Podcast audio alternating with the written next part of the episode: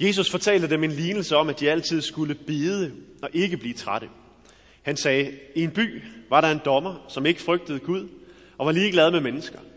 I samme by var der en enke, og hun kom gang på gang til ham og sagde, Hjælp mig til min ret over for min modpart. Længe ville han ikke, men til sidst sagde han til sig selv, Selvom jeg ikke frygter Gud og er ligeglad med mennesker, så vil jeg dog hjælpe denne enke til hendes ret, fordi jeg er så træt af at høre på hendes ringklokke. Det står der ikke. Der står, fordi hun volder mig besvær. Ellers ender det vel med, at hun kommer og slår mig i ansigtet. Og Herren sagde, hør, hvad den uretfærdige dommer siger. Skulle Gud så ikke skaffe sine udvalgte deres ret, når de råber til ham dag og nat? Lad han dem vente. Jeg siger jer, han vil skaffe dem ret, og det er snart. Men når menneskesønnen kommer, må han så vil finde troen på jorden. Amen. Værsgo at sidde ned.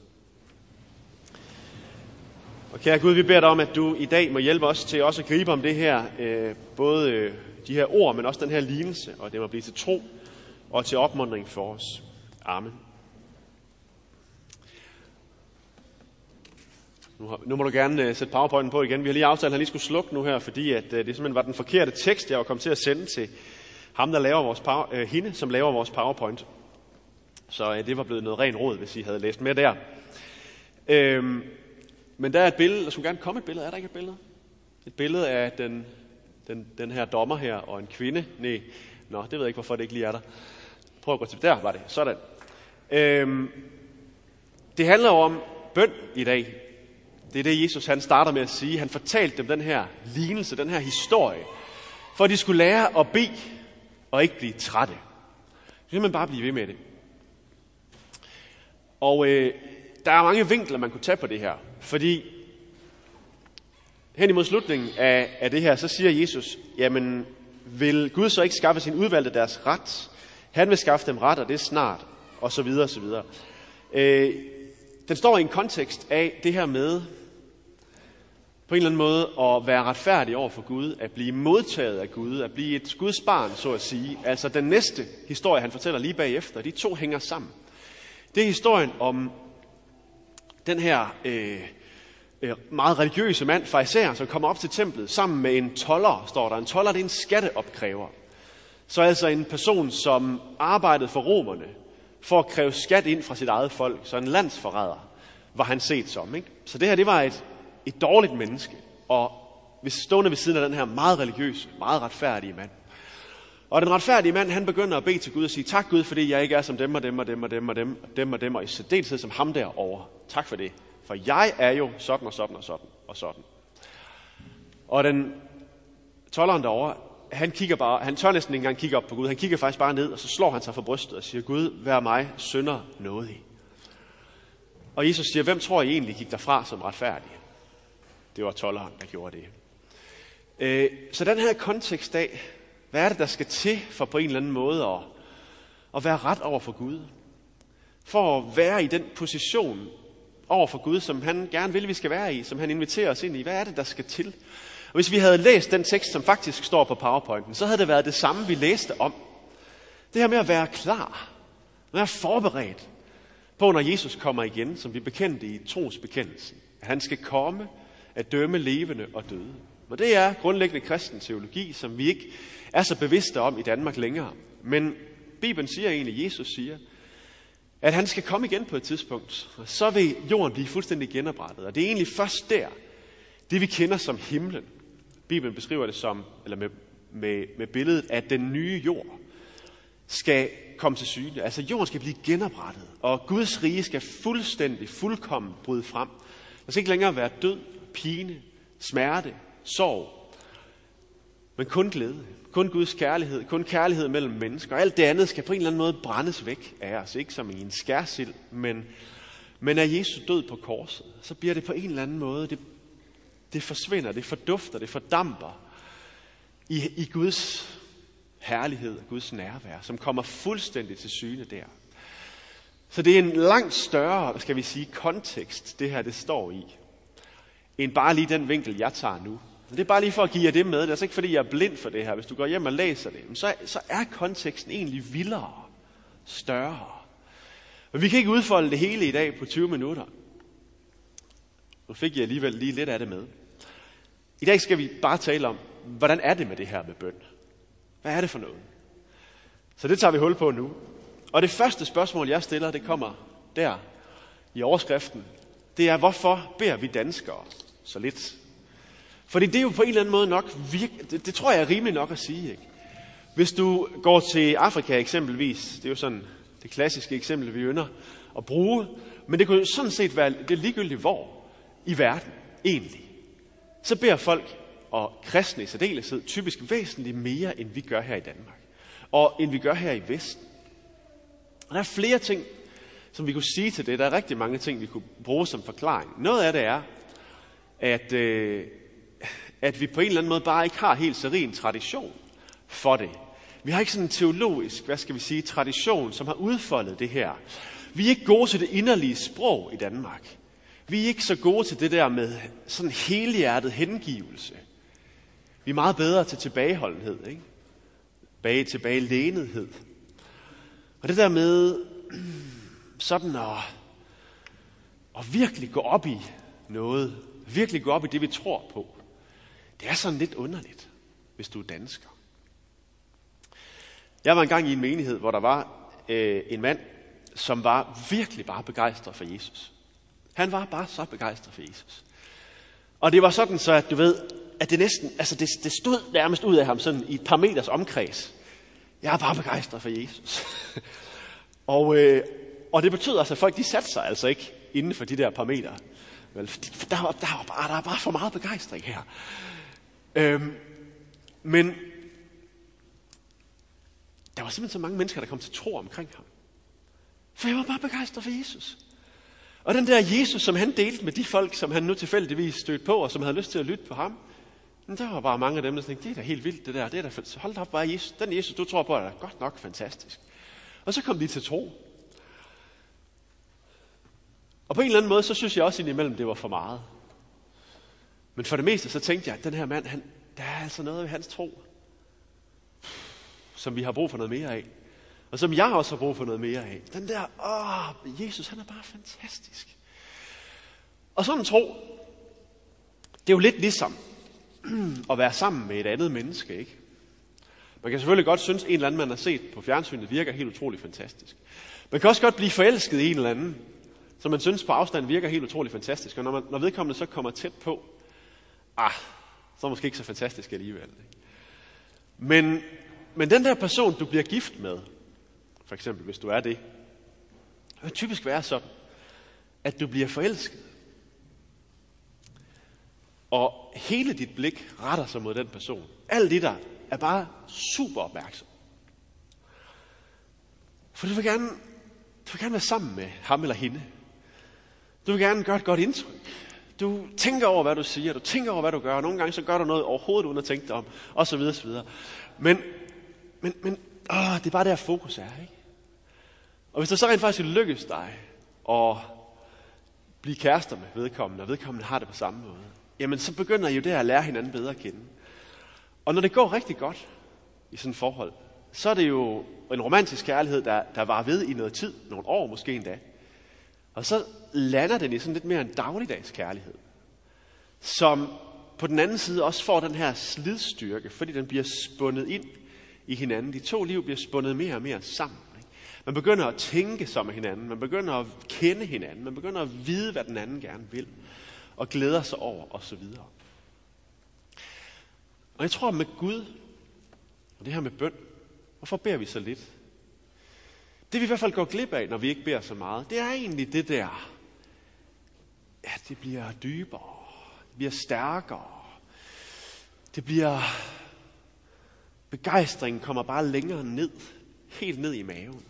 Jeg ved, at jeg hører til her hos Gud sammen med ham.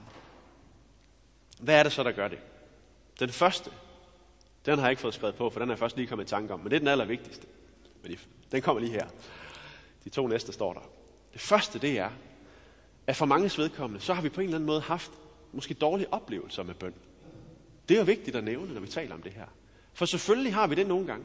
Nogle gange så er, så, så, så er det på en eller anden måde bare ikke vores erfaring, at Jesus, når Jesus siger, hvad to eller tre af jer bliver enige om at bede om i mit navn, det har I allerede fået.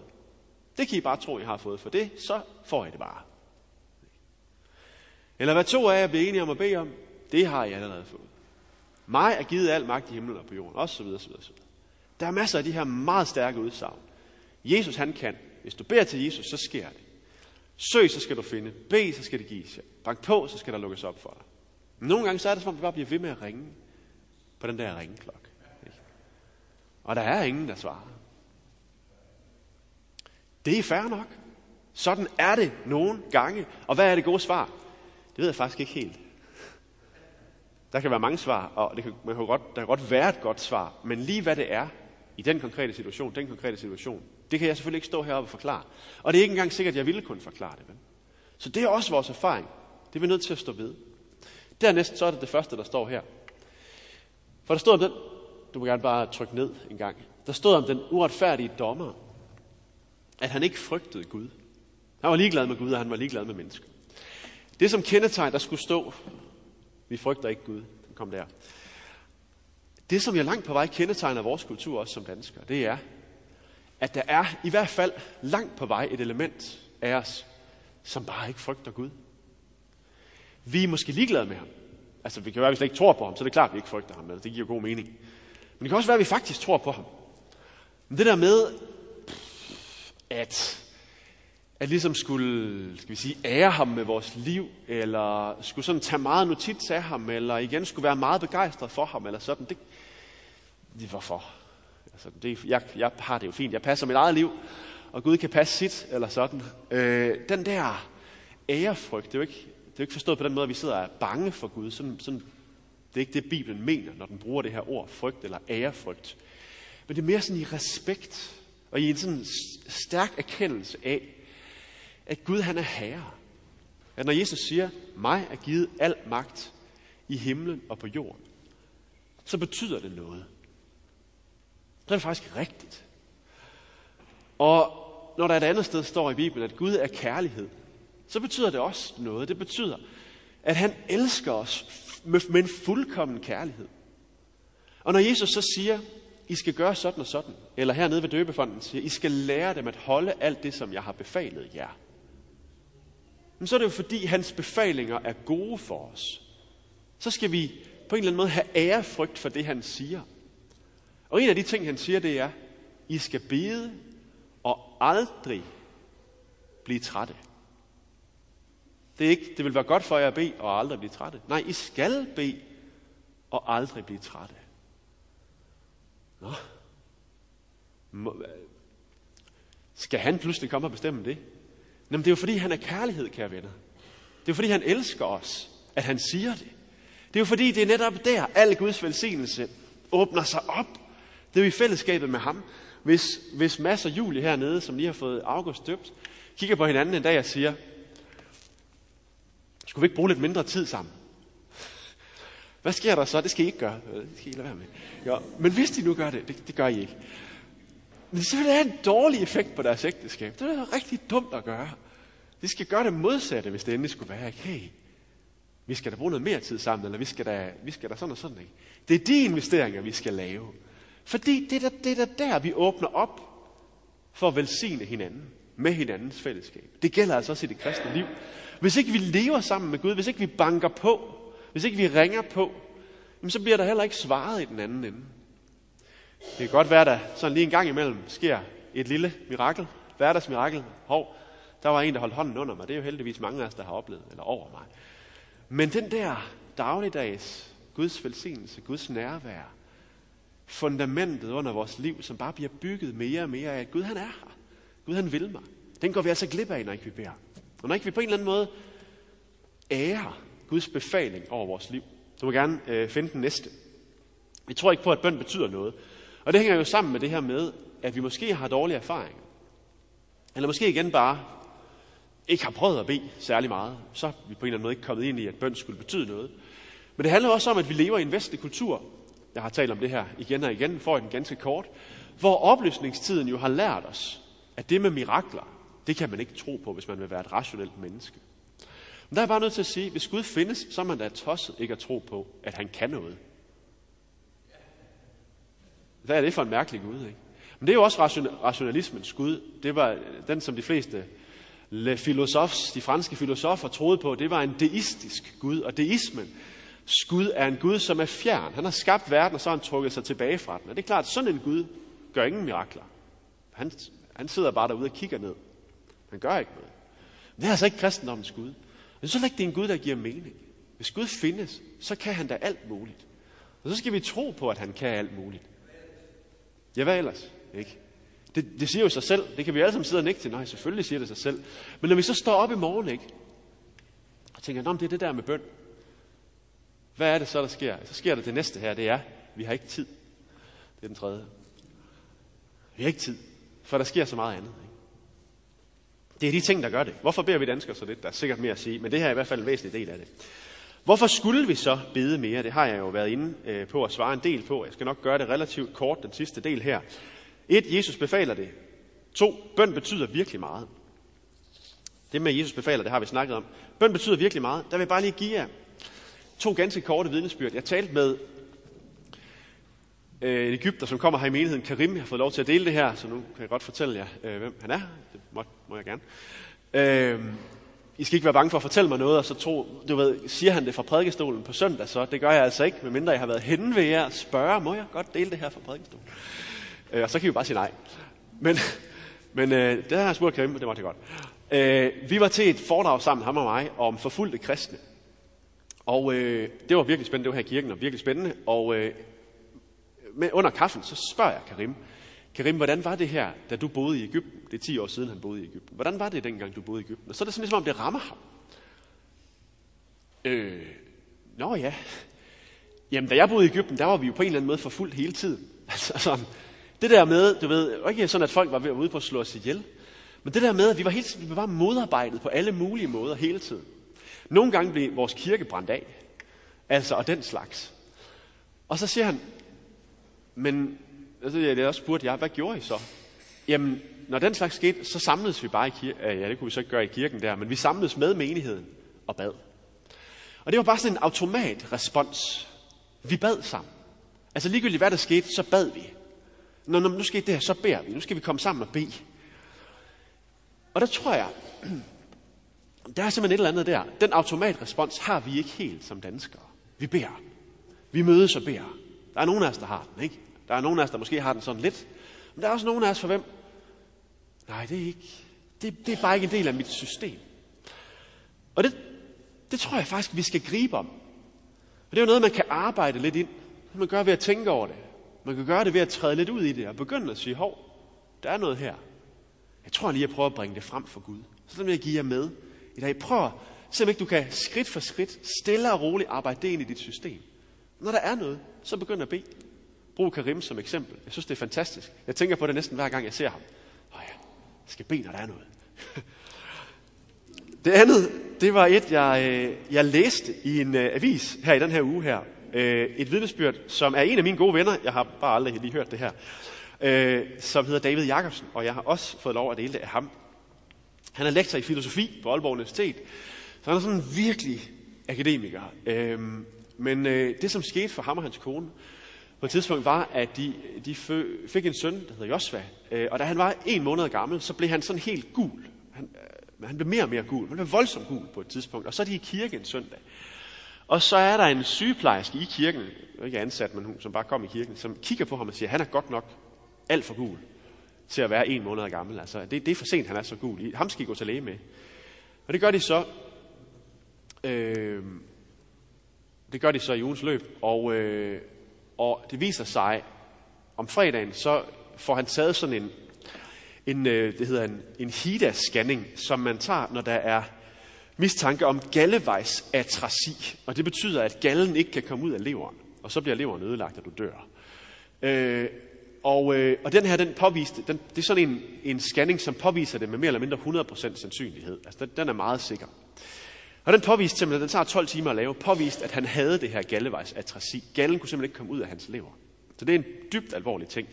Og man kan operere for det, men, men, men det er voldsomt, altså, øh, øh, hvad hedder sådan noget, man er voldsomt hæmmet af det bagefter, hele sit liv.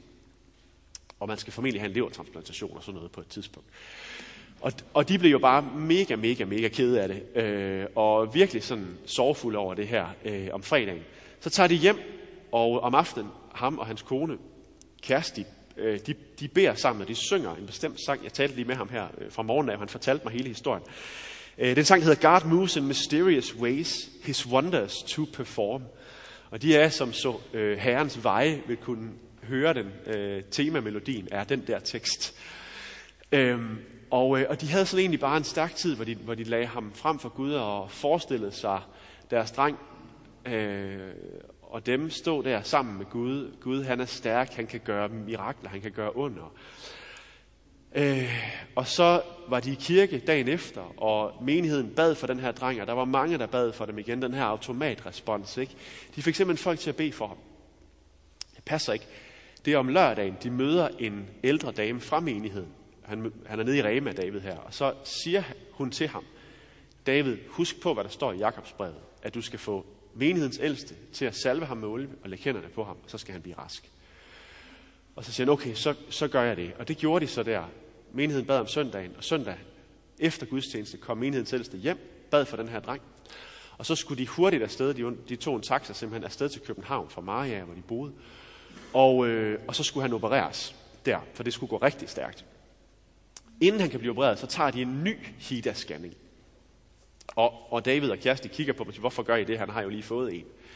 Jamen, det gør vi bare altid, og det er bare en sikkerhedsforanstaltning. Altså, det er jo aldrig slået fejl, men vi gør det alligevel. Øhm.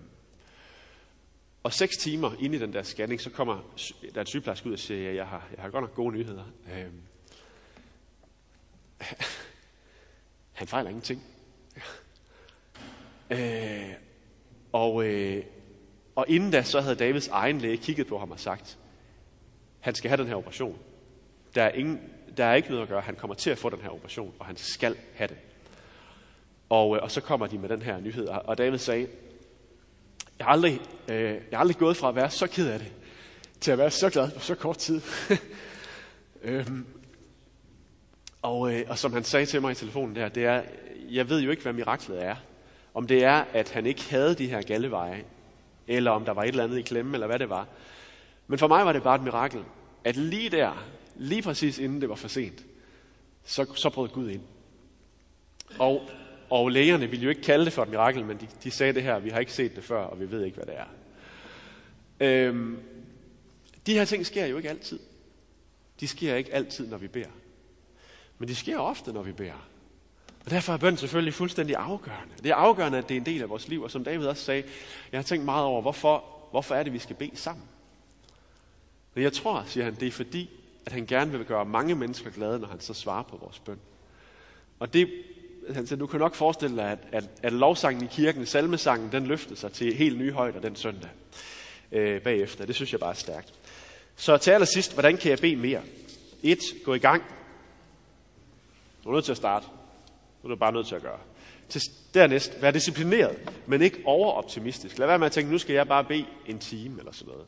Lad være med at tænke, nu skal jeg bede en halv time. Tænk, nu skal jeg bede fem minutter hver morgen. Og lige nu at læse måske et kapitel eller et halvt kapitel i Bibelen. Der starter vi. Og så skal du bede sammen med andre. Det er ikke noget, du skal, skal, men det er helt klart en fordel. Det er, der, man styrker hinanden, når man beder sammen. Man inspirerer hinanden, man giver hinanden flere ord øh, og måder at gøre det her på. Og til sidst, samle på vidnesbyrd. Altså, nogle af de her ting, jeg lige har delt med jer, begynd at samle på dem. Begynd at lytte efter, når de kommer. Hov, der er jo noget der.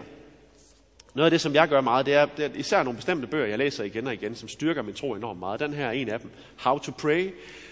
Den giver også en, en masse hands-on vejledning til forskellige måder at bede på.